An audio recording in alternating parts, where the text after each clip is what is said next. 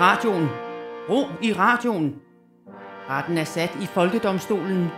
De ærede dommere er Mikkel Rask og Tjelle Vejrup fra henholdsvis Østre og Vestre Landsret.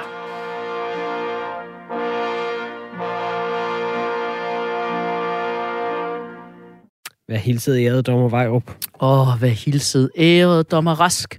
Og hvad hilset ærede dybt, dybt stressede lytter, der hører folkedomstolen, imens du svedende og gispende kæmper dig gennem de frodende masser af julegaveshoppere. Vi ved godt, det er hårdt lige nu, men husk på, at altså, hos damerne i Ilum, der kan man få det, som man vil. Og kontant eller på konto her skal prisen dækkes til. De smiler og flinke, men mest for fruerne i minke. Og mm. Mm. de giver gode råd om alt fra sexet undertøj til, ja, til sminke. Men Mikkel, hvad nu hvis man ikke er en velhavende kvinde med råd til en minkpels? Hvor går man så hen? De andre fattige røv, de kan gå i dallevalle. Ja. Der er damerne så flinke. De smiler pænt til alle. Og der overskred vi citatretten, gik direkte over til brud på copyright, og hermed mister vi alle indtægter for det her afsnit. Sikke noget lort. Velkommen til Folkedomstolen. Folkedomstolen præsenterer sag nummer 1. Ja, du lytter til Folkedomstolen på Radio 4, og vi skal have en sag, dommer Rask. Kom med den. Ja, og jeg siger det lige ud her fra starten. Jeg stiller mig som anklager i sagen Folket mod Hår. Hår. Ja, Hår. Ja, okay, kan du ud- uddybe lidt mere?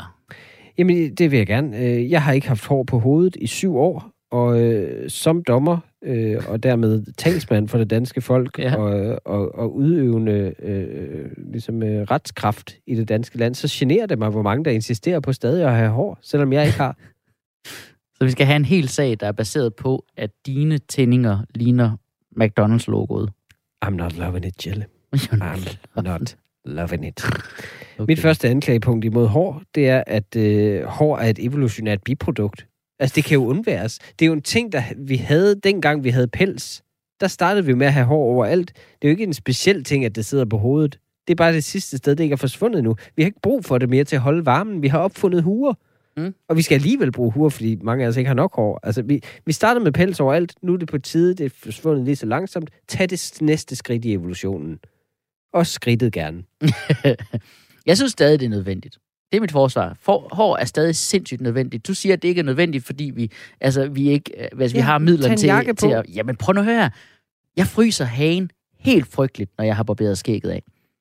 Altså simpelthen, hver gang jeg lige har sådan haft fuldskæg i en periode og Virkelig. barberet af, min, min hage, den fryser så meget. Og det var især slemt, dengang jeg var teenager og kørte scooter. Hold kæft, jeg frøs min hage, mand. Okay, der ved jeg så ikke, om du selv kan se problemet. Altså, for, ja, folk, der kører scooter, vil blive ramt af det her forbud, men det kan jeg simpelthen godt leve med. Det kan jeg mærke i mig selv. Okay. Jamen, nu taler jeg selvfølgelig ikke på vegne af hele scooter-communityet, øh, hvis der er sådan et. Men, altså, hvis de bliver ramt af det her forbud, så kan det måske være, at du bliver ramt af en Suzuki F-sætter,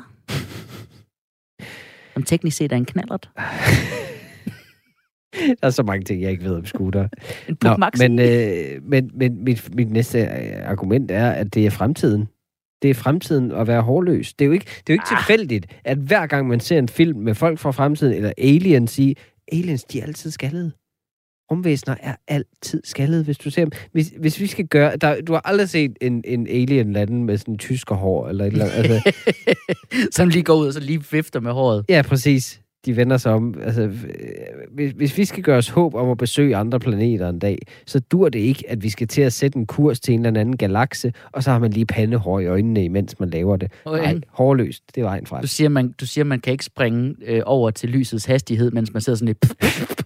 Lave det der pust op, som aldrig virker, fordi det falder lige ned igen, hvor det var. Okay, men okay, hvad, du, du, du taler om, at de her skaldede rumvæsener er, er evolution, evolutionens peak. Hvad, Ja. er, hvad, hvad er det nu, de her skaldede rumvæsener i film også altid er? Øh, hvad er det nu? Nå, nå jo, de er altid fucking onde, mand. Jeg, jeg skulle til at sige blege, De er pisse onde. Lad os da ønske at blive ligesom dem. Ja, det ville da være fint. Altså, det er de der er ovenpå. Jeg vil hellere være dem, end dem, de, øh, de bortfører. Ja, det siger jeg bare. Det, øh, fremtiden bliver langhårede mm. mennesker, der får probet sig. øhm, mit, næste, jeg mig til. mit næste anklagepunkt imod hår er, at der er kun besvær med det. Og det gælder især i badet.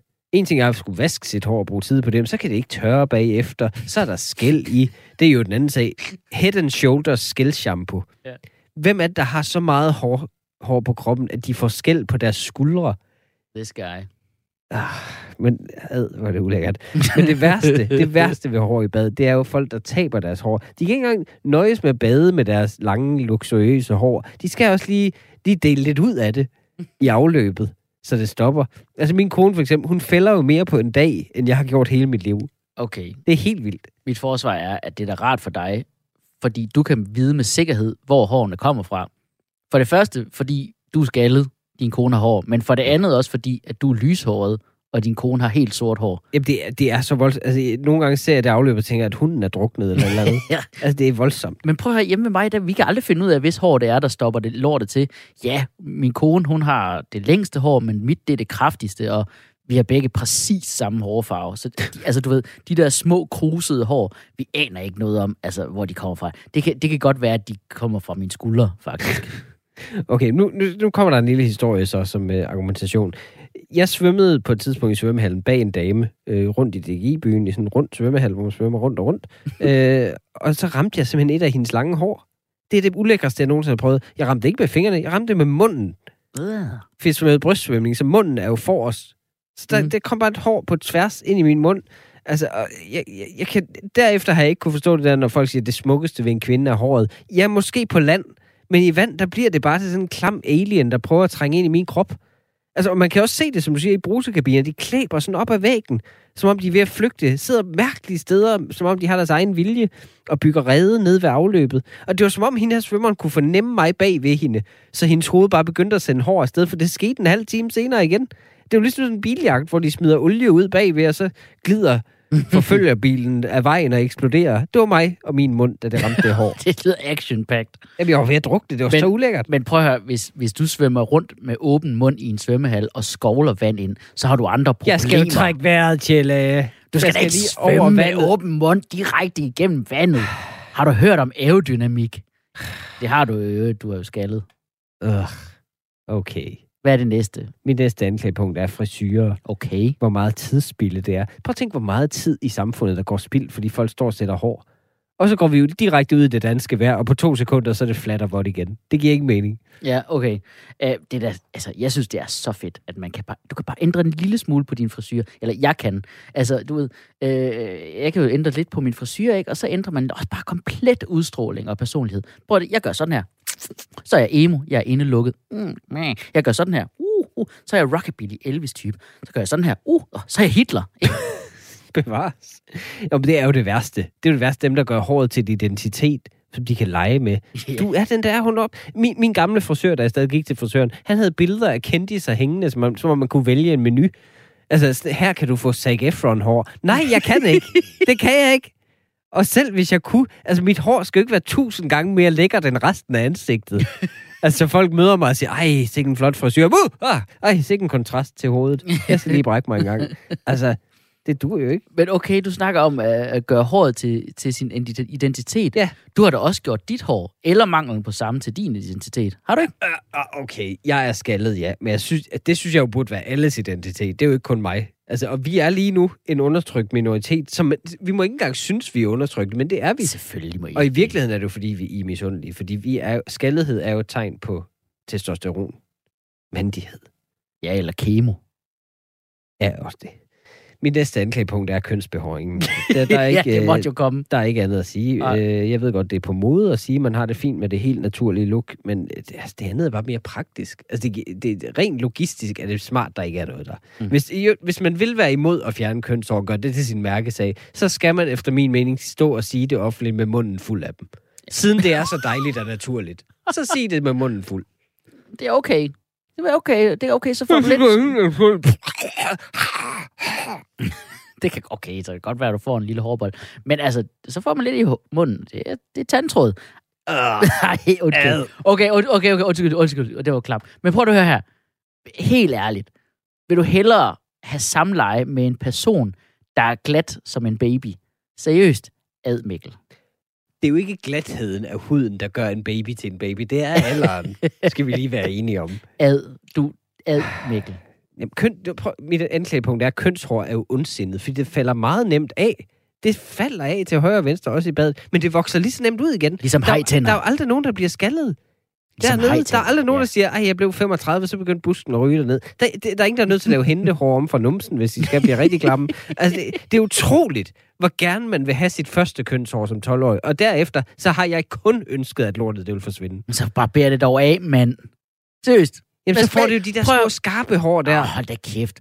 Bare bær det dog af. En af de første gange, jeg var sammen med nogen, så rev det mig fuldstændig til blods. Fordi hun havde sådan nogle små skarpe hår. Det var, det var det, noget af det værste, jeg har prøvet. Okay, så det du, det du faktisk vil have, er, at, at dit hår bare skulle falde af. Hvis jeg kunne få sådan noget meget lokal kemo, Er du sindssyg? kun i skridtet. Vi, Okay, vi er nødt til at have et vidne. vi Den, svøm, den, den vi, kører ud, det, det her. kører mere i ring, det her, end, end Ja. ja. DGI-hallen svømmehal. Vi er ringer til sjovt. vidne. Ja, okay. Vi ringer til vidne. Øh, yes. Folkedomstolen indkalder til vidneskranken. Jeg vil gerne indkalde øh, komiker Simon Weber. Nå ja, han har, han har et flot hår. Ja,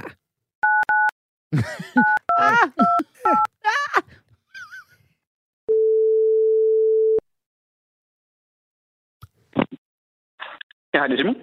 Goddag Simon øh, Weber. Øh, du er indkaldt som vidne i Folkedomstolen på Radio 4. Ja, hej. Goddag. Velkommen til vidneskranken telefonisk. Øh, Mikkel Rask her. Jeg er anklager i sagen øh, Folket mod hår. Og Simon, øh, jeg vil gerne faktisk behandle dig som et fjendtligt vidne lige fra starten, øh, i og med at du er indehaver af noget, øh, og jeg ikke er. Øh, kan, du, kan du beskrive dit hår, Simon, for retten, først og fremmest? Gerne et kort, Ja. gerne et kort signalement, selvom der er meget af det. Er, mit hår, det er øh, krøllet og øh, i en mellemlængde. Men det vil du beskrive som mellemlængde, simpelthen. Okay, jamen det, det er fint. Og det, er- det er krøllet, fordi du er, du er sådan en kreativ type og har et krøllet hoved. Okay, og, stop med at være Vil- så fjendtlig vil, over for vil du, vidnet. vil, du, vil du forklare, øh, Simon, for retten, om dit hår er, er morsomt? Jeg ved ikke, om det er morsomt, men nu lever jeg i, øh, i, i underholdningsbranchen. Jeg er stand-up-komiker, ligesom jer. Og øh, jeg vandt DM i stand-up for et par år siden, og det var det i hvert fald det eneste, alle journalister ville snakke om efter, når jeg skulle interviews. Det var altid, om det var mit hår, der var skyld i, at jeg vandt. Det er meget sjovt, fordi der er ikke nogen journalister, der vil tale med mig, dengang jeg vandt DM i stand-up. Jeg ved ikke, om det er, fordi jeg ikke havde noget hår. Jeg, jeg, det, det, jeg hører dig så de sige, vidste ikke, hvad de skulle spørge dig om. Nej, præcis. Det, jeg hører dig sige, det er, at et hår, det er simpelthen en, øh, en kunst, et kunstigt hjælpemiddel i en underholdningskarriere. Det, det er simpelthen en krykke for en, øh, for en comedy-karriere. Og øh, det er min konklusion på det. Okay, var du færdig? Er du ja, færdig? An, anklageren har ikke flere spørgsmål. Okay. Jeg ved jo, at, at Ane Høsberg øh, blev spurgt, om hun blev nummer tre på grund af sit krøllede hår. Øh, det år. Nå. øh, forsvaren vil gerne krydsforhøre. Hej Simon, det er Tjelle Vejrup. Øh, du er sød Hej, og dej, du har et dejligt hår. Har du, Simon, har du egentlig brug for dit hår for at kunne være sjov? Jeg var faktisk lidt øh, nervøs for det, for nu klippede jeg mig for øh, en, en par måneders tid siden. Eller ja, frisør klippede mig. og, øh, og så blev jeg bange for, at øh, og, og det ville påvirke mine jokes, men det gjorde det overhovedet ikke. Mm. Ja, øh, og øh, det er jo altså, det er for fanden sådan, det er. Altså, jeg, jeg vil gerne jeg nærmest sige, konkludere, at hår er flot, ja, men det er kun freaks, der tror, det betyder alt for deres karriere. Det gør det sgu da. Undskyld. Protest. Protest. Prøv, det, det, er det, da, det er da det, der har gjort det. Altså, det, det, det, det er jeg nødt til at tro på, simpelthen. Fordi ellers så er det jo... Altså, hvis ikke det er min skaldighed, der er skyld i min karrieres tilstand, så den, den verden har jeg ikke lyst til at bo i. Prøv at, Det har jeg bare ikke. Simon Væver, jeg vil gerne øh, på programmet og hele Radio 4's vejen undskyld for, at du bliver gjort til gissel i det her. Det er meget Det ked af, og jeg vil gerne sige tusind tak til vidnet. Ja, Det tak. var så lidt. tak. Hej hej. Hej. Okay. altså, Jeg kan, lige så godt, der, jeg, jeg kan lige så godt Hvad sige, jeg, sker der, jamen, jeg, jeg kan ikke styre mig. Jeg dømmer folk på deres hår. Jeg kan ikke styre mig. Ja. Også hvis en mand har en hestehale. Jeg, går, Okay. jeg bliver sindssyg. hvad så? Altså, hvis han, hvis han, især hvis han bare har en hestehale, altså Ah. i hånden, som ikke er hans egen. Men også hvis, også hvis han selv har groet en. Fordi det signalerer lidt det der overskud. Åh, oh, jeg har så langt fyldt et hår, at jeg ikke engang magter det. I kan ikke engang se, hvor stort det er, før jeg laver den der med lige at snappe elastikken af. Altså, hvis du har så meget, så doner det dog til mig. Og kæft, du er... Altså, det er virkelig meget misundelse, det her. Ja, det er det. Og det går op for mig lige nu, at det er faktisk mest mænds hår, jeg har et problem med. Mm. Jeg har en dom klar.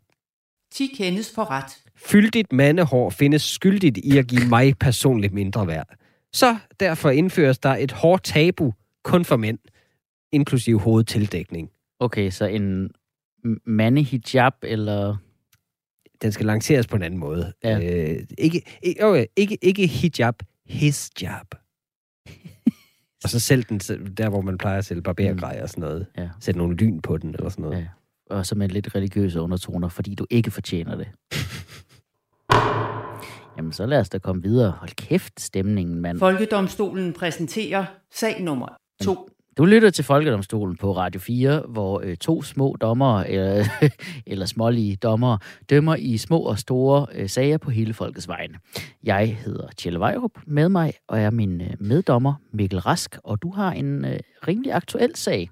Altså, den er aktuel for mig og dig i hvert fald. Fordi øh, hver eneste gang, vi ringer sammen for at aftale, hvad vi skal snakke om i det her program, så er det umuligt at høre dig de første fem sekunder. Mm. Fordi du insisterer på at tage telefonen og tale gennem dine høretelefoner. Eller hovedtelefoner. Hvad, hvad, er det? Hvad hedder det? Altså, det hedder headphones på engelsk. Så hoved... Jo, Head. jo, jo, men alle telefoner skal jo op til hovedet. det, det indikerer jo ikke... Altså, høretelefon, det indikerer jo, at du, dem, dem her kan du kun høre med. Okay. Det er det, de er lavet til at Nå, høre men til. altså, mine høretelefoner har jo en mikrofon, så jeg kan jo godt tale igennem dem, ikke? Og Jamen, det, det kan du jo så ikke, fordi forbindelsen er redselsfuld. Og de, og de lægger jo på, hvis du kommer til at strejfe ledningen. Det er sket flere gange. Mm. Altså, det, der er ikke noget værre, end når man for eksempel cykler med et par høretelefoner i, og så er de lidt slidt, så ledningen er blevet sådan hypersensitiv. Især Mm. mm. de der iPhone nogen. Altså, det mindste ryg skifter sang, eller ringer til 112. Eller, altså, jeg stiller mig som anklager i sagen folket mod høretelefoner. Øh, Okay, altså jeg forsvarer dem. Jeg skal, okay, jeg er lige nødt til at høre først. Hvornår siger vi hørebøffer? Hør nu efter. Altså, det, det, mit første anklagepunkt er, vi er alt for afhængige af de der lytte-devices. Så, altså, vi, vi kender jo ikke engang til uhøflighed længere. Folk har dem på altid, hele døgnet rundt, fra de vågner. Nogle gange har de dem bare på i seng. Altså, i Netto for eksempel. Jeg gør det selv. Jeg er så skyldig som alle andre. Jeg, jeg kan maks strække mig til at tage en af dem ud af øret, mens hun siger prisen og spørger, om jeg skal have kvittering med. Det kan godt være, at det ikke er så spændende, men prøv at tænke, hvor uhøfligt det er. Mm. Det er da vildt. Alle går rundt med høretelefoner. Der er ikke nogen, der hører efter noget. Altså, man er sådan lidt, åh, hvad siger du? Nå, det er ikke federe end Beyoncé's bagkatalog. Det tænkte jeg nok. Det er jo et omvendt høreapparat. Vi har alle sammen gjort os døve. Men det er jo ikke musikken, altså det er jo ikke høretelefonernes skyld, det er jo musikkens skyld. Det er jo musik, der er for godt. Jeg vil ønske, altså prøv at, jeg vil jo ønske, at jeg kunne lade dem sidde i altid. Ens liv, det er jo federe med et soundtrack. Nu støvsuger jeg, men det er til, til The Roots Sandstorm, ikke? Fuck, jeg er det, effektiv. er, det, er svært at, det er svært at modstå. Eller når man, ej, når man skal vælge frugt over i, Ja. i fakta. Ikke? Ja, til man, da, da, da, confusion. dam, Ja, da, da, Confusion da. med New Order Jeg tænkte noget, ikke? Beethoven, men okay. Okay. Øhm, jo, men et, et, et soundtrack til livet er fantastisk. Det kan vi godt blive enige om. Men det kan jo fuldstændig farve den måde, du oplever verden. Altså Mm. pludselig ser du en hjemløs, så hører du bare glad musik, så virker det ikke så slemt. Så er alt, oh, it's a wonderful world. altså, så, så, så virker han som om, han har det hyggeligt. Ja. Altså, så er alt bare som at være med i en film. Hvis du går rundt på gaden og hører sådan noget Space Invaders musik, blip, blip, blip, så kan du gå og slå folk ned, og så virker det bare uskyldigt. Mm. Blip, blip, blip. Hov, gammel dame, 60 point. Okay. Altså, siger du, at det er uskyldigt, når du hører Louis Armstrong? Var han ikke bulrende narkoman? Det ved jeg ikke. Igen, problemet er jo Jeg er din i hvert fald glad. Problemet er din musikvalg. Hvis du skal høre spilmusik, mens du går rundt på gaden, så skal det jo være Super Mario, hvor du hopper hen over folk, i stedet for at slå dem. Bare du for guds skyld ikke, ikke hopper på dem, for så forsvinder de. Biu, biu, biu, biu, biu. Okay, men altså, jeg vil bare sige, der mangler klarhed, juridiske regler om det her. Mm. Folkejuridiske, en, en etikette. Hvornår må man have dem på? Hvornår skal man tage dem af? Den eneste grænse lige nu, det er, når alle andre hader dig. Ja. Det der, altså, der er jeg bare typen, der har brug for et nedskrevet skilt. Ligesom Ja. på tankstationer. Jeg vil aldrig tænke over, at jeg skulle tage min scooterhjelm af ellers. Den har jeg da umiddelbart lyst til altid at beholde på. Okay, så du... Og jeg har, jeg har ikke en scooter. Okay, så, så Jeg du... har kun hjelmen. Så du... Okay, bankrøver. Så du er i tvivl om, hvorvidt du må have høretelefoner i, når du er i trafikken. Ja. Og det skal så løses med skilte, Ja. som du kan sidde og koncentrere dig om at læse, mens du kører hen over en børnehave på udflugt, eller hvad? Ja, altså nu, det, full disclosure, jeg har ikke et super godt lydanlæg i min bil, så jeg er nødt til at bruge dem i bilen også. Øh, mit næste anklagepunkt er, dem med ledning i, de er især trælse. Altså det er de virkelig. Det er, For det første, så kan en iPhone ikke lade op og have ledningen i samtidig, så du er nødt til, at hver aften skal jeg lige lade op lidt, så kan jeg, jeg lige høre lidt podcast, lade op lidt, lige, høre lidt mere podcast. Altså, for det andet, så er det stik, det bruger, fordi det brug, bliver brugt til alt. Det er ligesom en hønes røv, der bliver brugt til æg og lort. Det, det er sådan en kloak. Altså, det er det mest beskidte, brugte hul siden, altså, det kommer jeg ikke til at sige uddyb. Du kan selv forestille dig en reality-deltager eller et eller andet. Det, pointen er, at det bliver meget hurtigt sådan lidt løst i det. Altså hullet. Ja. For det første, køb en ladestation, den kan ligge ovenpå. For det andet, sig nu, hvad det er for et hul, du mener. Sig nu, du mener din egen navle, der er lige så fuld af fnuller. Okay, men ledningerne, lad os så tage dem. Ja. De, de filtrer sig jo på magisk vis sammen efter to sekunder i en lomme. Jeg ved ikke, hvordan de gør det. Det er som om overfladen er følsom mod lommeuld. Så, tjup, så trykker de sig sammen, som sådan et eller andet par, der har været på tantrakursus, fuldstændig filtreret ind i hinanden. Og man står og skal lave det der desperate viklen ud, mens man står og skal op på cyklen. Ah, fordi, men selvfølgelig skal man høre ens høretelefoner. Man kan jo ikke, man kan jo ikke cykle to kilometer uden, og man skal virkelig kæmpe for ikke bare at gi- give op og bare flå dem fra hinanden. Mm. Og så skal du jo bare, ligesom øh, Alexander den Store, når du står over for den her uløselige knude, vise det værd. Altså, kæft. hvis du ikke kan klare den, så er du ikke værdig til at høre musik. Så løsningen er jo helt enkel. Enten hugger du ledningen over, eller erstatter den med AirPods.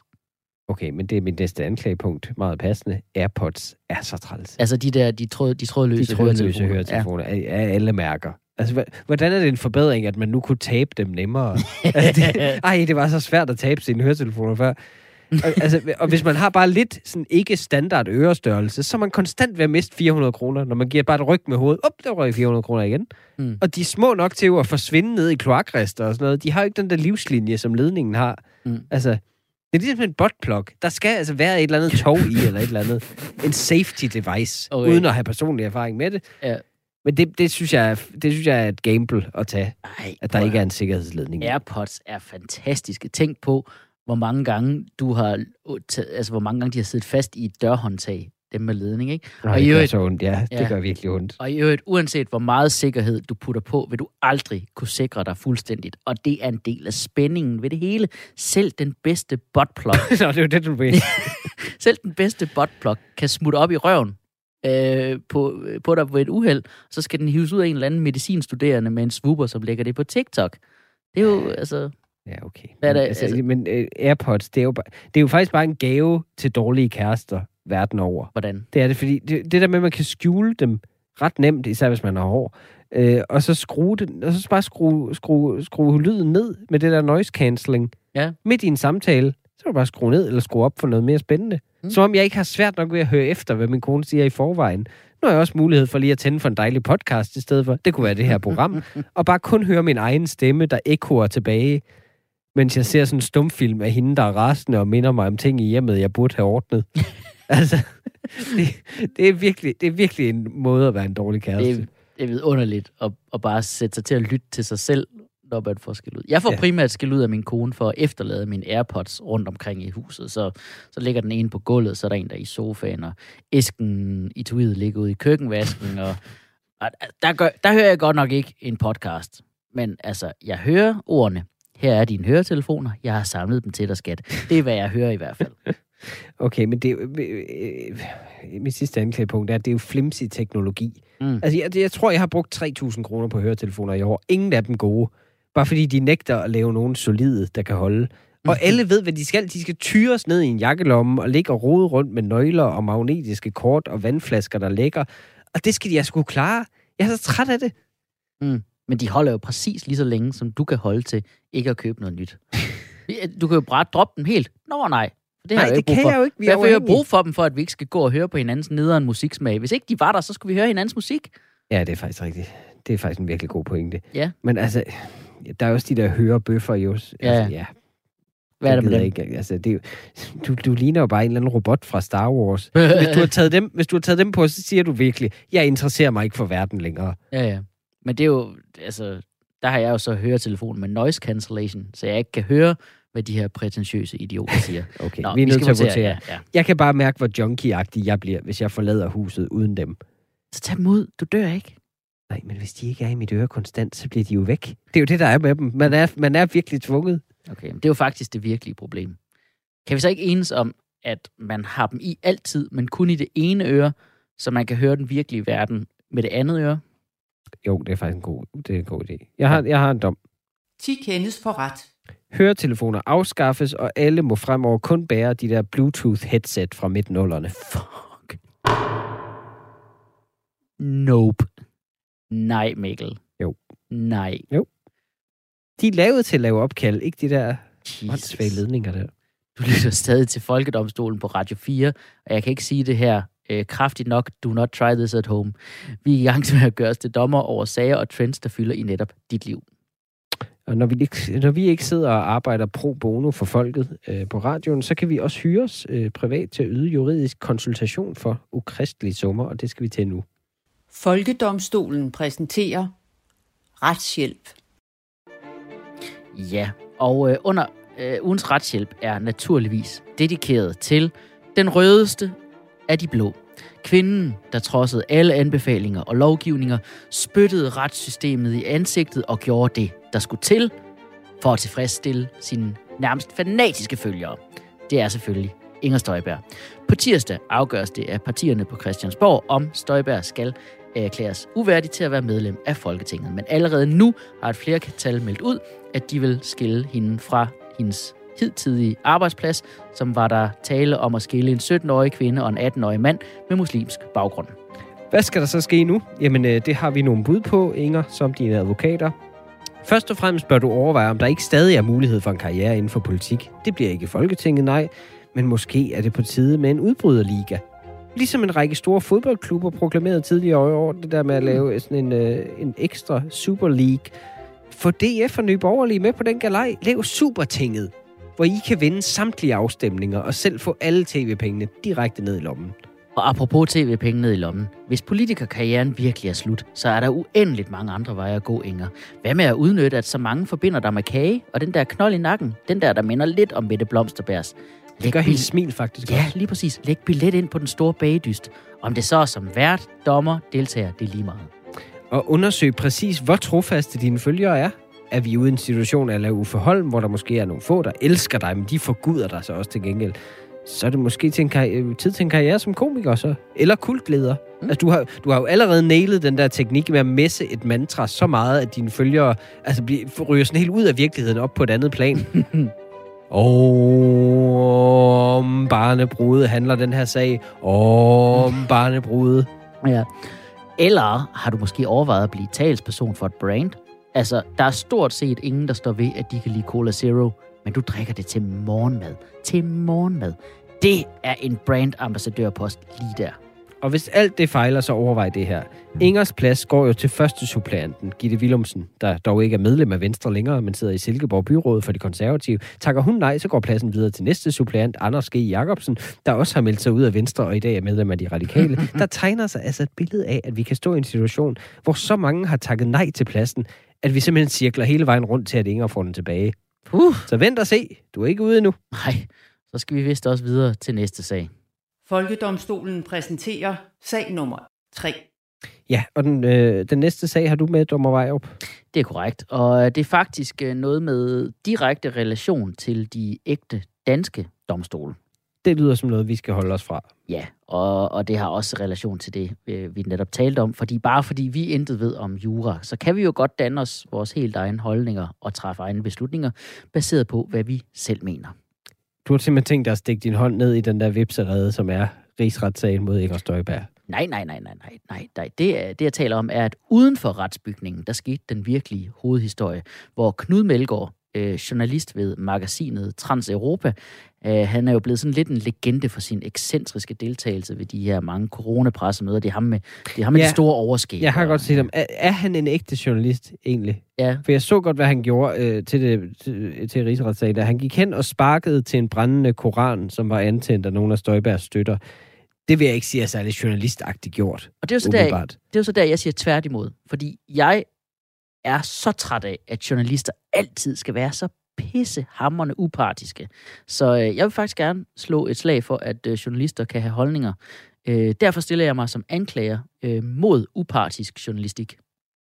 Og øh, Okay. min første anklage er, øh, upartisk journalistik, det er jo øvrigt en løgn. Altså, det er en løgn, at man skal kende begge sider af en sag. Hvorfor skal der altid være plads til modparten? Nogle gange er det faktisk kun én sandhed, men uha nej, vi skal også lige give mikrofonen til ham her, der mener, at sikkerhedsseler er lavet af Bill Gates, for at han kan sprøjte den nye CD med YouTube ind i vores blodåre. Jo, men som forsvar for det, er, ellers er det jo ikke spændende. Det, jo- det gør det jo mere spændende. Det er altid, anklagen er altid et eller andet med, at det, det, gør, det, det gør det sådan øh, øh, kedeligt, hvis det skal forsøge at være objektivt. Men det mest spændende er jo at vise alle sider. Jeg har Mhm. brug for at vide, at en eller anden journalist ikke sidder og siger, ej, alle er jo enige om, at de der er nogle tosser, så, så behøver vi ikke filme dem. Det er det, ham der Knud Melgaard. Det er et perfekt eksempel. Hvis han havde haft held med bare at sparke den koran væk i noget vand eller et eller andet, så, så havde ikke folk jo ikke kunne filme, hvor store idioter de der var. Altså, så, så, så, sådan havde man jo, man havde jo sikkert tænkt det der om for 50 år siden, om at have en veganer med i et indslag. Så man sagde, det er for skørt til overhovedet at, at blive taget alvorligt. Jeg vil høre fra alle. Jeg vil se alle. Folk med ekstreme synspunkter, endnu bedre. Altså, hvis jeg vil høre nogen sige, at alle skal jo have det sådan ok, og vi skal også lige tage det roligt, så vil jeg blive i Jylland og have snakket med min familie. Når jeg ser nyheder, så vil jeg have drama. Ja, men prøv. Filmet objektivt. Du skal ikke klippe væk, fordi der er stærke billeder. Vis mig det. Jamen, det er jo det, du siger. Objektivitet, ikke? Objektivitet, objektivitet. Objektivitet er en illusion. Se, det er min anklage. Selvfølgelig har medier holdninger. Alle medier har holdninger. Det er jo derfor, at de ikke er ens. Berlingske, BT, Ekstrabladet, Kristelig Dagblad, Blad Jyllandsposten, de har fucking alle sammen en kultur og nogle kerneværdier, som de ikke kan undgå lade sive ud i deres arbejde. Berlingskes øh, kerneværdi er jo for eksempel, at kvinder skal blive i køkkenet, ikke? Og det, Ah, og det de gennemsyrer skal, jo de så kan også alt. godt, de skal også, de skal også lige sidde og skrive klummer, ikke? Okay. Men ja, de har en kultur hver især. Men, men der, hvor nogen udmærker sig som journalister, det er jo, når de engang imellem hæver sig over deres kultur. For eksempel i nullerne, når en TV2-medarbejder en gang imellem hver 14. dag eller sådan noget, sagde, skulle vi ikke prøve lige at få skrevet lidt om, hvad der sker i Irak, mens de andre havde travlt med at holde en praktikant nede. Den person har jo været en held. Ja, ja, jamen selvfølgelig har den person jo været en held, ikke?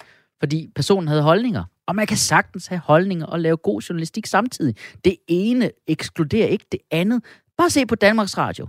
Det er blevet modbevist tusindvis af gange, at Danmarks Radio faktisk ikke laver politisk vinklet journalistik. Der er undersøgelser, der modbeviser det. Men selvfølgelig er de påvirket af, at de er skide humanitære og røde derinde. Så det er derfor, de laver sådan noget, lad os acceptere hinanden indhold. Og det er i orden. Nej, problemet er jo netop, at journalister tror, det er deres holdning, der skal frem. Der er ikke noget galt med holdninger i journalistik. Det er jo bare folks holdninger, der skal ud. Det er jo holdninger generelt, der er fint at vise. Altså, jeg- glæder mig til, at der er en algoritme, der bare kan lave journalistik. så de ikke kan sidde der og se sig selv som sådan romantiske helte, der skal ændre verden. Nej, bare sig, hvad der sker. Så skal vi andre nok tage stilling. Okay, men prøv at høre. Det er jo, det er jo altså... Det, det, der med at kræve totalt objektiv journalistik, det er jo kun, altså, det er jo kun ekstremister, der vil have objektiv journalistik. Og det er fordi, de ikke kan klare an, og andre menneskers holdninger. Det, er det jamen, alle dem, der altid bræger op om, at de vil have objektiv journalistik. Det er kun dem på de yderste fløje. Det er altid racisterne på højrefløjen, der brøler op om, at det er, de er så ræverøde. Man kan ikke stole på dem. Derfor får jeg alle mine nyheder fra den korte avis og Urias-posten. Og så er der alle hippiesvinene over på den yderste venstrefløj. Det er alle sammen brøler. Berlingske Tidene, den er alt for blå. Man kan ikke stole på dem. Det er derfor, jeg får alle mine nyheder fra Christianias nyhedsbrev. Jeg ved Det, ikke, om det, de har det er kun de ekstreme fløje, der, der Jo. snakker om objektiv- Men det- objektivitet. Det, men det er jo netop derfor, de kun læser deres egne ekstreme ekokammer, fordi medierne har sådan en grundlæggende, øh, sådan arrogant idé om, at deres ene virkelighedsforståelse er, er, er rigtig, og, det skal, og den så skal være cirka på linje med radikales valgprogram. Det er netop ikke objektivt, det, det har du ret i, men det burde det være. Altså, der, det, når, når journalister vinkler noget, når de, når de filmer nogle racister, og så giver et, øh, et, et laver et dumt billede af dem, men der er jo ikke nogen universel lov, der siger, at racisme er forkert. Det er jo noget, vi skal diskutere. Det er noget, vi skal, øh, vi skal tage stilling til. Ellers så bliver det bare sådan en automatholdning. Mm. Altså, det er jo en diskussion, vi skal turde tage. Hvis vi affejer noget på forhånd, så bygger det sig jo bare op som sådan en eller anden klump, man ikke får gået til lægen med. oh, Det blev meget alvorligt, det her, fuck, kan jeg det godt blev mærke. dybt, det der. Det handler om kræft og racisme. Okay. Har du mere at sige? Ja, ja, ver, ja, version 2 af, at objektivitet er en illusion. Fordi det er medierne, der påkalder sig den her såkaldte objektivitet. Men det er kun noget, de gør, så de kan slippe afsted med at pisse deres egne holdninger ud i vores ansigter. Det lyder som mit argument, det der. Nu kan jeg slet ikke finde ud af noget. Altså, men prøv at høre, okay. objektivitet er muligvis en illusion lige nu, men det er et ideal, ja. Der, det, det, er jo ligesom, der er jo ikke noget, der er perfekt. Altså, du, du, kan ikke finde, du kan ikke lave den perfekte risotto, den ultimative risotto. Den findes ikke, men du kan stadig stræbe imod det, fordi i den proces får du altså noget rigtig god nærende mad ind, i stedet for bare at øh, afskrive det på forhånd og sige, jeg laver det på min måde, og så sidder tyk i nogle ukogte grødris. Okay, prøv at høre. Min næste anklager, ens politiske ståsted har jo intet at gøre med ens evner som journalist. Det mener jeg helt seriøst. Ah. Men der var for en måned siden en afsløring, eller en, en, en undersøgelse, ja. der viste, at næsten alle studerende på øh, Dansk Journalist øh, Højskole eller Dansk Medie og Journalisthøjskole stemmer enten enhedslisten og radikale. Og der er ingen af dem stort set, der stemmer DF og Nye Borgerlige. Hvilket det skulle åbenbart være lige med diskvalifikation af hele uddannelsen. Øh, og hvem var det, der mente det? Nå jo, BT og Berlingske, som når jeg er skide liberale. Og De hvor, mangler hvor er de journalister. uddannet, og de hvor, er mangler journalister, de hvor gør. er de uddannet fra? De er uddannet fra Journalisthøjskolen. Jeg synes, man godt kan se, at de mangler journalister, faktisk. Ja, det kan man godt. Okay, mit forsvar er, jo mere du brænder for en sag, jo mere blind bliver du jo for ting, der modbeviser den. Og jo dummere synes du også folk, der mener det modsatte er. Hvor mange, hvor, hvor mange journalister i Danmark, hvor mange af de røde journalister har sagt undskyld for at have fremstillet DF-vælgere som bare tandløse fjolser, efter at stort set alle andre politiske partier har overtaget deres udlændingepolitik. Der er blevet 100% mainstream nu. Det var åbenbart noget, et flertal af danskerne gerne vil have. Og jeg- jeg siger ikke, om jeg synes, danskerne er idioter for at synes det. Det holder jeg mig faktisk for objektivt til. Mm-hmm. Jeg synes, det er klart, der ikke er nogen DF'ere på Journalisthøjskolen. Hvorfor? Man skal jo bestå en stavetest for at komme ind. Okay, se selv. Ja, se selv. Og du er journalist. Men folk, ja, vil jo tak. slet ikke, men folk vil slet ikke have objektivitet. De, påstår, de påstår, at de vil have objektivitet, men det vil de jo slet ikke. Ja, saglighed. Nej, gud vil de ej. Folk vil bare have Melvin Kakusa og Anders Breinholt, der står og klapper et sødt dyr og fniser. Og drikker juleøl sammen med øh, øh, René Diff. Ja, ja, ja. Forsvar. Mit forsvar er, at upartisk journalistik, det er en ting, man ikke ved, man kan lide, før man mangler den. Objektiv mm-hmm. journalistik. Ligesom hvis ens pizzamand pludselig begyndte at have holdninger og kommentere på ens køb. Hvis han begyndte pludselig at sige, Nå, chef, skal du have banæs pizza igen? Det er tredje gang på en uge. Burde du ikke løbe en tur i stedet for? Det, det, det tilkommer ikke dig at sige. og det samme ved en journalist. Ja, okay. Jeg, jeg føler, vi bør høre fra en, der rent faktisk er journalist af uddannelse. Øhm, der vil jeg gerne lige indskyde, at jeg er journalist af uddannelse. Ja, ja, det er fint. Det har jeg min egen sandhed omkring. Okay. Er det ikke sådan, vi gør? Indkalder til vidneskranken. Jeg vil gerne indkalde en øh, fyr, der hedder Sebastian Dorset, som Okay. faktisk også er uddannet journalist. Tjelle Vejrup, det er ikke mm. kun dig. Mm, Nå, lad de der.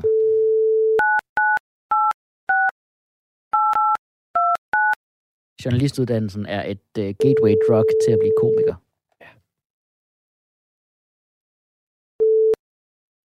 Det er Sebastian. Goddag, Sebastian Dorset. Øh, det er Mikkel Rask fra Folkedomstolen på Radio 4. Goddag, Dr. Rask. Nå, nu er jeg også blevet doktor. øhm, Ja, ja, ja, men det Jamen, er øh, øh... hurtigt med titlerne. Sebastian, jeg gider, journalisterne er jo så ikke beskyttet, men, øh, men, men du er indkaldt som vidne, øh, Sebastian Dorset, i sagen Folket mod upartiske journalister. Øh, eftersom du er uddannet journalist. Øh, er det korrekt, for det første? Det er fuldstændig korrekt. Jeg har et papir på det et sted, om jeg blev journalist i 1997, altså Okay. sidste årtusind. Okay. Hvornår har du sidst arbejdet øh, som journalist fast? 1997, altså sidste årtusind. Nej, nej, jeg tror faktisk, jeg strak den helt ind- et stykke ind i 98. Okay, okay. Ikke ind i næste årtusind. øhm, Ah, jo, ja, sporadisk. okay, okay.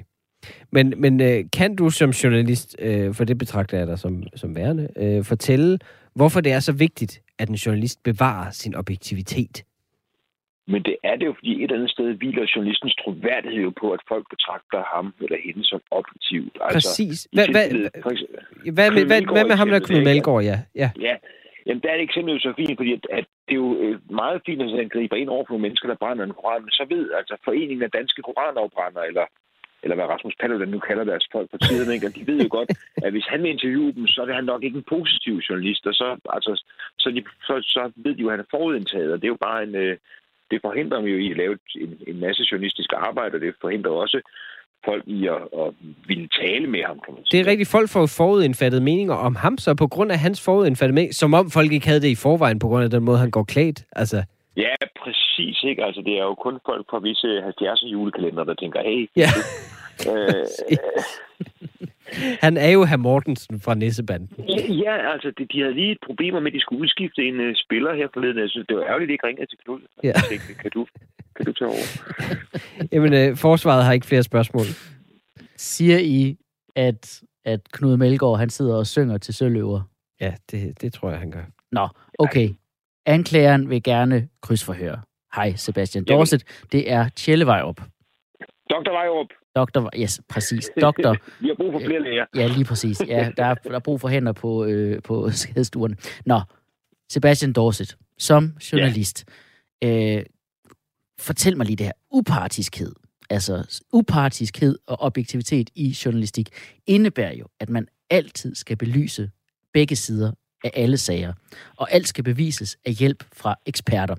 Er det Ja. egentlig også sådan, du har det? Altså med, at alt journalistik skal indeholde alle sider af alle sager? det er jo et problem efterhånden, fordi hvis den ene sag, altså hvis den ene part, den part, der mener ja øh, i en sag, det er den part, som har forsket hele sit liv i det, og har en lang videregående uddannelse, og har sat sig grundigt ind i tingene, og har så opdateret den nyeste viden. Og den part, der så mener nej, det er en fyr, der hedder Dølle, der har en YouTube-kanal. Ikke? Altså, så, så er det måske lidt lige, lige meget, hvad Dølle mener for folkeoplysningens skyld. Så, så der kommer nogle gange som journalist, synes jeg, man gemmer sig bag den der upartiskhed ved at sige, at jeg har spurgt begge sider af sagen, så nu kan jeg komme tidligere og spille badminton med min ven Torben. Ikke? Altså, Mm. det, der skal man bare sige, altså undskyld mig, men øh, fuck Dølle, nu spørger vi forskeren, og så har vi kritiske spørgsmål til forskeren, men vi går med på, at det er hans syn på verden, der faktisk er det faktuelt rigtige, og så dropper vi det der med på den ene side på den anden side, fordi det, Mm. det, er, sådan en, det er sådan en meget nem måde at lave journalistik på, man bare siger, jamen hvis vi har spurgt begge parter, så har jeg tidlig fri. så har man jo gjort, hvad man skulle lige præcis. Og, ja. Og nu sagde du jo også, at øh, du, øh, du sidst arbejdede sådan, hvad man kan sige, fast øh, som journalist i, øh, i sidste årtusinde. Øh, Ja, det er omkring, ja. ja. ikke? Øh, men øh, du har jo, du har jo også, altså du har jo, som du netop også lige også fik nævnt, du har sporadisk, har du lige arbejdet Ja. med. Du har skrevet lidt artikler siden, ikke? Ja, så nogen ringede, kan du ikke lige lave en artikel, lavede en artikel om The Simpsons til Euroman, Ja, for eksempel, ikke? Ja. Og det, det, det, det er der, man opdager en anden ting, der er problemet med, med det upartiske, det er, at sådan nogle journalisttyper som mig, vi er jo meget bedre ved at være dramatiske og, og, og hvad kan man sige, meget sådan demonstrativt konkrete, ikke? hvor forskere har alle mulige forbehold, dem der rent faktisk ved noget om tingene. Så ringer man til dem, og så kan de ikke sige noget, og så er det sådan noget på den ene side, på den anden side, og så kan man ikke stille det op, og så ikke, kan det ikke sige. Så det, det er altså skide besværligt, når man er journalist. Det er meget nemmere, hvis man bare selv kan sige, sådan er det. så du ringer til en forsker og siger, er The Simpsons god? Og så siger de, jeg har brug for peer review. Ja, præcis. Eller, oh, vi kan ikke vurdere dens betydning for kultur, på popkulturen før om nogle år. Så siger du skal sige, den er skide god, for det er derfor, jeg ringer til dig. Og så, Mm. det giver jo så også det problem, at man ringer til de forskere, der er lynhurtige til at sige noget meget sådan kvidt fra hoften. Ja, ja. Men, men, men så vil jeg lige høre dig. Gav det alt det her med at skulle ud og bevise alting i hoved og røv, gav det der lyst til at vende tilbage til journalistikken? Faktisk ikke, fordi de fleste journalister sidder og drømmer om at blive sådan en, der skriver klummer, ikke? Ja. De bare kan komme med deres mening hele tiden. Og det er også derfor, det viser, at, at den objektive journalistik, den måske er, er tvivlsom, fordi at, at de fleste af os bliver jo heller bare mene noget. Det er også det, folk læser i avisen. Mm. Og forudsat, at de overhovedet læser avis. Hvis de gør det overhovedet. Men du hvad, vi siger tusind tak til vidnet. Tak til dig, Sebastian Dorset. Tusind tak. Selv tak for en taxabon. Øh, du kan hente den nede i receptionen. Du kan høre den efter tonen. Ja, Tak. hæng, hæng på, så får du vores producer. Hej, hej. Hej. Hold kæft.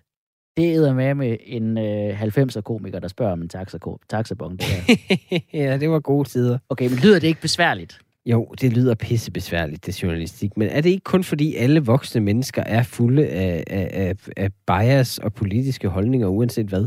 Jo, men det er jo Det det, er det, der jo. er problemet. Altså, det, det, det er du jo. Du er fuldstændig fyldt op med det, fra, altså, fordi du, du er voksen menneske. Du Eller fordi medierne ikke har været objektive nok. Det er bare, nej, så siger jeg ikke Men du mere. bliver jo ikke kun påvirket med det, du bliver også påvirket hjemmefra. Jamen, jeg synes, der også forældre skal være objektive. Så hvis du vil være nazist, så prøv det. Prøv det i en uge. Jeg, synes, Se, om det er noget. jeg, jeg, prøver, jeg, jeg, har en, jeg har en idé til en dom. Den kommer her. 10 kendes for ret. Journalister får lov til at forblive, som de er. Altså, prøv at høre. Der, der er ikke nogen, længere nogen krav til, om journalister er, har holdninger eller ej. Der, hvor ansvaret skal lægges, er hos det redigerende personale. Dem, der udstikker den journalistiske linje, det vil sige redaktører. De skal til gengæld være totalt upolitiske. Det vil sige, at vi øh, sætter maksalderen for en ansvarshavende redaktør som 10-årig. Det skal simpelthen være børn, der står for hele den redaktionelle linje på så, de ikke, så de ikke ved noget om Ja, samfundet, simpelthen. lige det er præcis. løsning. Ja, Lige præcis. De er ikke De ved påvirket ikke nok til at være de, ja, holdningspræget. Lige præcis. De er ikke holdningspræget, for de ved ikke en skid. Det kommer til at forløbe smertefrit. Lige indtil der kommer nyheder om stigende priser på legetøj og slik og tidlige sengetider eller et eller andet. Så, Ja, det kunne godt så, blive et problem. Ja, så kan det godt være, at der lige skal... Ja, Til gengæld kommer der nok også, der kommer nok også færre MeToo-sager. præcis. Og ro i retten. Jeg slår lige med hammeren en gang til, for ja. at bede øh, forsvaret om at falde til ro. Vi tager den sidste sag. Folkedomstolen præsenterer sag nummer 4. Ja, du lytter til Folkedomstolen på Radio 4, hvor vi er nået til den sidste sag i dag. Ja, lige præcis. Og hvis du hørte Radio 4 morgen i onsdags, øh, det gjorde vi jo, vi var jo oppe klokken 6, øh, der kunne du høre, at der netop nu foregår en krigskrig, øh, Krigskrig. en priskrig, Ja. en, en priskrig på svinekødsområdet. Ja. Øh, det er sådan, at, at, at, at, at der simpelthen øh, lige nu kan man købe en flæskesteg øh, for helt ned til 4 kroner og 75 øre per halv kilo. Hvad? Ja. Okay, jeg kan ikke lave programmet længere. Altså, Jeg, jeg skal gå nu. ah, ej, hold kæft. Jeg skal ud og have... Der, det synes jeg er fantastisk. Svin til folket. Ja, Ej, tak. Men det er jo alt, hvad der er galt med dansk landbrug. Altså, jeg synes, det er indbegrebet af, hvorfor at vi er nødt til at forbyde svinekød. Øh, så jeg vil gerne stille mig i anklager i den sag. Helt ærligt. Helt ærligt. Du, du, vil, du vil brokke dig, hvis der pludselig faldt manna ned fra himlen. Det er en gave fra Gud, det der. Helt ærligt. Okay, min første anklage mod at producere svinekød er, at, at vi behandler dem så dårligt. Prøv at tænk på, hvor dårligt vi behandler grise. Prøv, over, du, vi, vi tager et, et dyr, et kæmpe, kæmpe stort dyr, og så placerer vi det i en bås, hvor det ikke kan bevæge sig. Altså, det er da klart, at det kan, tænk, at det kan koste 4 kroner og 75 øre for et halvt kilo. Der er ikke engang råd til, at grisen kan trække vejret. Så vil jeg som forsvar for svinekødsproduktionen sige, de skal heller ikke trække vejret. Hvis de trækker vejret, så har du ikke stegt dem nok. Altså, jeg, jeg, jeg, synes, jeg, synes, der, jeg synes virkelig, jeg synes, svineproduktionen skal gøres mere industriel. Vi skal ja. jo bare over på den anden side, hvor det ikke engang er dyr længere. Vi skal, vi, skal, vi skal jo på en eller anden måde arbejde på at få hjernerne taget ud af dyrene, så de ikke føler nogen smerte, ikke kan opleve det, og så ellers bare fortsætte med at gøre dem større og mere kompakte. Med den rette mængde genmanipulation, så kunne vi nøjes med at holde én grisemor, som så bare ligesom, altså ligesom høns lægger æg en gang om ugen, lige plop. Så plopper hun lige 20-30 allerede vakuumpakkede skænkesnitsler ud. Færdig arbejde. Okay, men det lyder jo, altså, det lyder jo forfærdeligt, det der. Det lyder jo, altså, øh, det, det, det, det, Du synes, det er dystopisk måske? Fuldstændig dystopisk, ja. Svinekødsproduktion, altså alt det, du forestiller der, det er, jo, det er jo netop det, de drømmer om. Det er jo netop det, de fucking drømmer om, men de smadrer jo alt det andet. Smadrer det for alt det andet, det gode kød. Altså, det er jo det der med, at man gør- har gjort den så super, ultra, ultra effektiviseret, at, at alt andet kød bare kommer til at koste en formue i, i sammenligning. Hvorfor fanden er lammekød så dyrt? Det er meget bedre. Det er fordi svin er folkets kød, Jelle. Og det smager genialt. Lam har en speciel smag, det skal du kunne lide. Gris, det kan gøres alt bedre. Du kan lave italiensk mad, asiatisk mad. Mellemøstlig mad bliver bedre med svinen. Der. Altså, det, har, du, har du prøvet bunjar med tre slags grillet svinekød og svinekødsforårsruller? Det er det eneste, man kan tænke er, skal jeg tage en portion mere? Jo, man skulle lige være et svin. Hvad skulle der være et svin? Okay, men min næste anklage går på svinepest. Undskyld, er det for sjov, at man har brugt verdenshistoriens værste sygdom til at sætte efter dyrets navn? det lyder lidt voldsomt svinepest. Det, det, jeg, og jeg anerkender, at der er for meget sygdom i svineproduktionen. Det anerkender jeg. Men hvis grise er så intelligente, som folk siger, så må de jo altså lære at huske at nyse i albuen. Siger du, at grise de øh, klør sig, rører sig selv for meget i ansigtet? Det er simpelthen det. Men det er jo netop et argument imod at spise svinekød, at de er så skide intelligente. Svin er jo næsten lige så intelligente som mennesker. Og hvis man sammenligner, okay, hvis man lige sammenligner grise med de mennesker, der, de der typer, der kræver, at børnehaver ved lov skal tvinge frikadeller ned i halsen på børn, der er muslimer og jøder eller vegetarer, ja, så vil jeg ærligt talt vælge grisene til enhver tid. Jeg siger ikke, at grisene er klogere end de her typer, men jeg vil hellere se en gris i byrådet, for eksempel. Ikke i Folketinget, men i byrådet. Jeg synes, de, nej, grise er til for at blive slagtet, og det samme med byrådsmedlemmer. Okay, ja. Øh, prøv- hvis intelligens og følsomhed skulle være pejlemærket for, hvem der bliver et i samfundet, så ville vi, altså, det ville være kaos. Altså, så ville vi jo, det ville være dystopi. Altså, så ville vi jo bare begynde at sætte tænderne i folk fra korsør. Altså, lad os nu gøre, som vi plejer.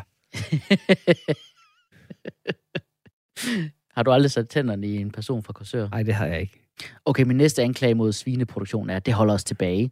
Prøv at tænke på, hvor meget internationalt heat vi har fået, altså hvor meget lort vi har oplevet internationalt på grund af vores svineproduktion og alt det der, og, og, og vores, altså fra, fra, okay, lad os blive international. Tænk på, hvor mange penge vi kunne tjene i muslimske lande ved Hvis at droppe stoppede med svinekød. at Ja, svinekød. det vil være et plaster på såret for Mohammed-krisen. Bare sige, undskyld, ja, hey, vi dropper det for grund af jer. Undskyld, vi har været nogle svin. Vi dropper svin. Ej, ved du hvad, som forsvar vil jeg sige, vi må altså gerne have en identitet stadigvæk.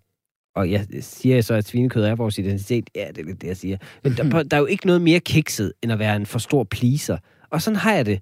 Sådan har jeg det, når folk er ironiske over, at danskere elsker svinekød.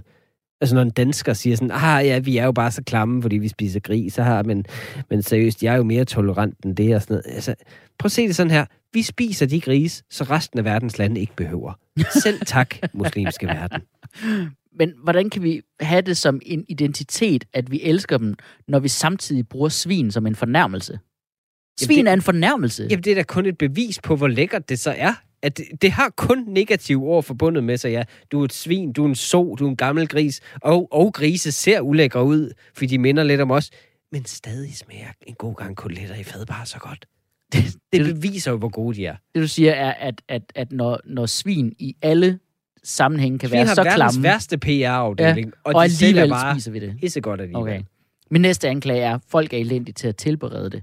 Altså prøv, prøv øh, der, der findes jo ingen mennesker, der kan finde ud af at tilberede svinekød. Jeg er traumatiseret i min barndom af, hvor dårlige medis- medisterpølser vi konstant fik. Fuldstændig gennempranket kul.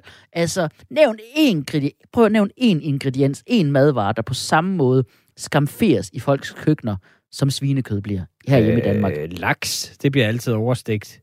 Og, og det er der jo ikke, der er ikke nogen, der siger, at laks er en ulækker fisk. Nej, det er bare folk, der ikke kan finde ud af det. Det har du ret i. Laks, Okay. Det var én ting. En- Okay, nævn en, øh, en ting mere, øh, der, der øh, som danskerne øh, ikke kan finde ud af at tilberede. Øh, torsk.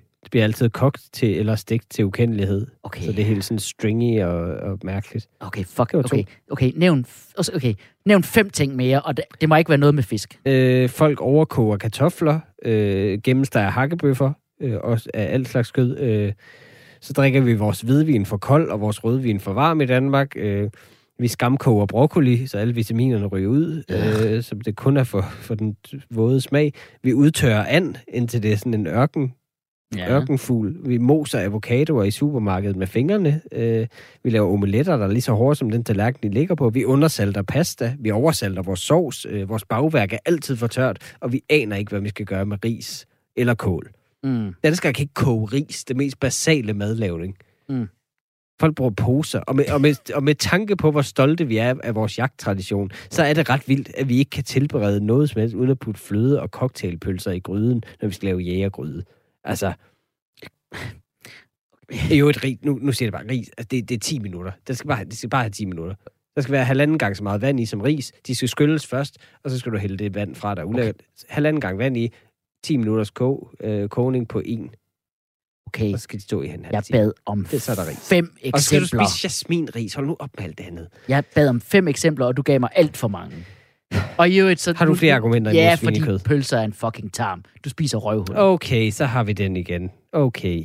Ja, jeg spiser tarm med stor fornøjelse, og så fødderne og hovedet lige bagefter. Grisetær, sylte. Det er simpelthen voksen kredsenhed at være imod det. Svinekød er nationalisters varemærke. At det du, du smider racistkort, racistkortet simpelthen. Altså, netop derfor skal det jo tages tilbage. Det er ligesom det danske flag. Det har Venstrefløjen også bare givet til DF og Nye Borgerlige. Kom nu.